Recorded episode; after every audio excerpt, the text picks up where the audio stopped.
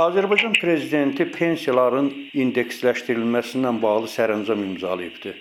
Necə qiymətləndirirsiniz? İnflyasiya dərəcəsi ilə uyğundurmu? Yəni bu örtə bilirmi inflyasiyanı?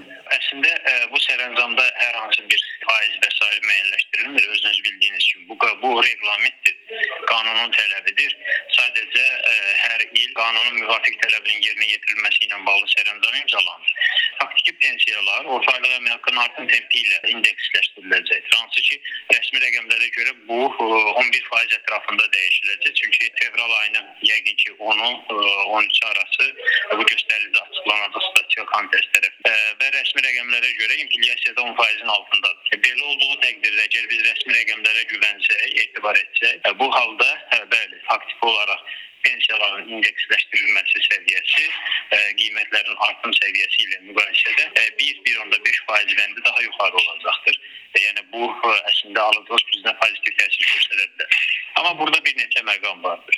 Bir, ə, faktiki olaraq rəsmi rəqəmlər reallığı nə qədər özündə əks etdirir. Bu o, təkcə subyektivlik məsələsi deyil. Ə, çünki yəni burada metodologiyanın özündən qaynaqlanan ciddi problemlər var. Hiss edilən inflyasiya tamamilə fərqli bir e, indikatordur. Bizdə pensiyalar orta aylıq əmək haqqına və yaxud ki, e, deyək ki, kapital inflyasiya səviyyəsinə görə indeksləşir. Bu inflyasiya göstəricisi ölkə üzrə ə, istehlak olunan e, 528 adda mal və xidmətləri özündə birləşdirən məhsulların qiymət dəyişməsini özündə əks etdirir. Amma praktikada faktiki olaraq əhalinin yoxsul təbəqəsi ən yaxşı halda ə, bu kateqoriyaya daxil olan 150 adda məhsullardan, gündəlik tələbat məhsullarından, sıxlıq məhsullarından istifadə edir, xidmətlərdən istifadə edir. Yəni digərləri çox az nadir hallarda istifadə olunan məhsul növləridir və gündəlik tələbat malları, ərzaq məhsulları da daha yüksək faizlərlə artır bildiyiniz kimi hər zaman. Bu aspektdən yanaşdıqda yoxsul əhaliyə münasibətdə inflyasiya hökumətin açıqladığı rəsmi orta göstərici deyil. Onun daha üzərindədir. Yəni bəzən bu 3%, 4%-ə qədər yüksələ bilər. Biz birinci desilin gəlirləri ilə 10-cu desilin gəlirlərini müqayisə etmiş olsaq bu göstərici rəsmi rəqəmlər gəlirləri doğru əks etdirmir, amma bununla belə yenə də 5%-ə qədər hiss edilən inflyasiya arasında fərq yaranır. Burada həmçinin bu fərq təzadlı fərqdir.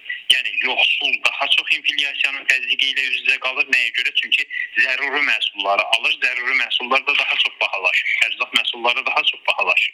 Varlı ə, zəruri məhsullarla yanaşı nisbətən az istehlak olunan ə, və ya lüks kateqoriyaya daxil olan məhsullar alır. Onların qiymətləri daha az bahalaşır. Yəni ə, təzad bundan ibarətdir ki, orta göstəriciyə əsaslanan e, indekslər əsasında e, aparılmış e, pensiya indeksləşdirilməsi, qiymətləndirməsi e, yoxsullara münasibətdə daha az alıcılıq gücünü bərpa edir, varlılara münasibətdə isə daha çox.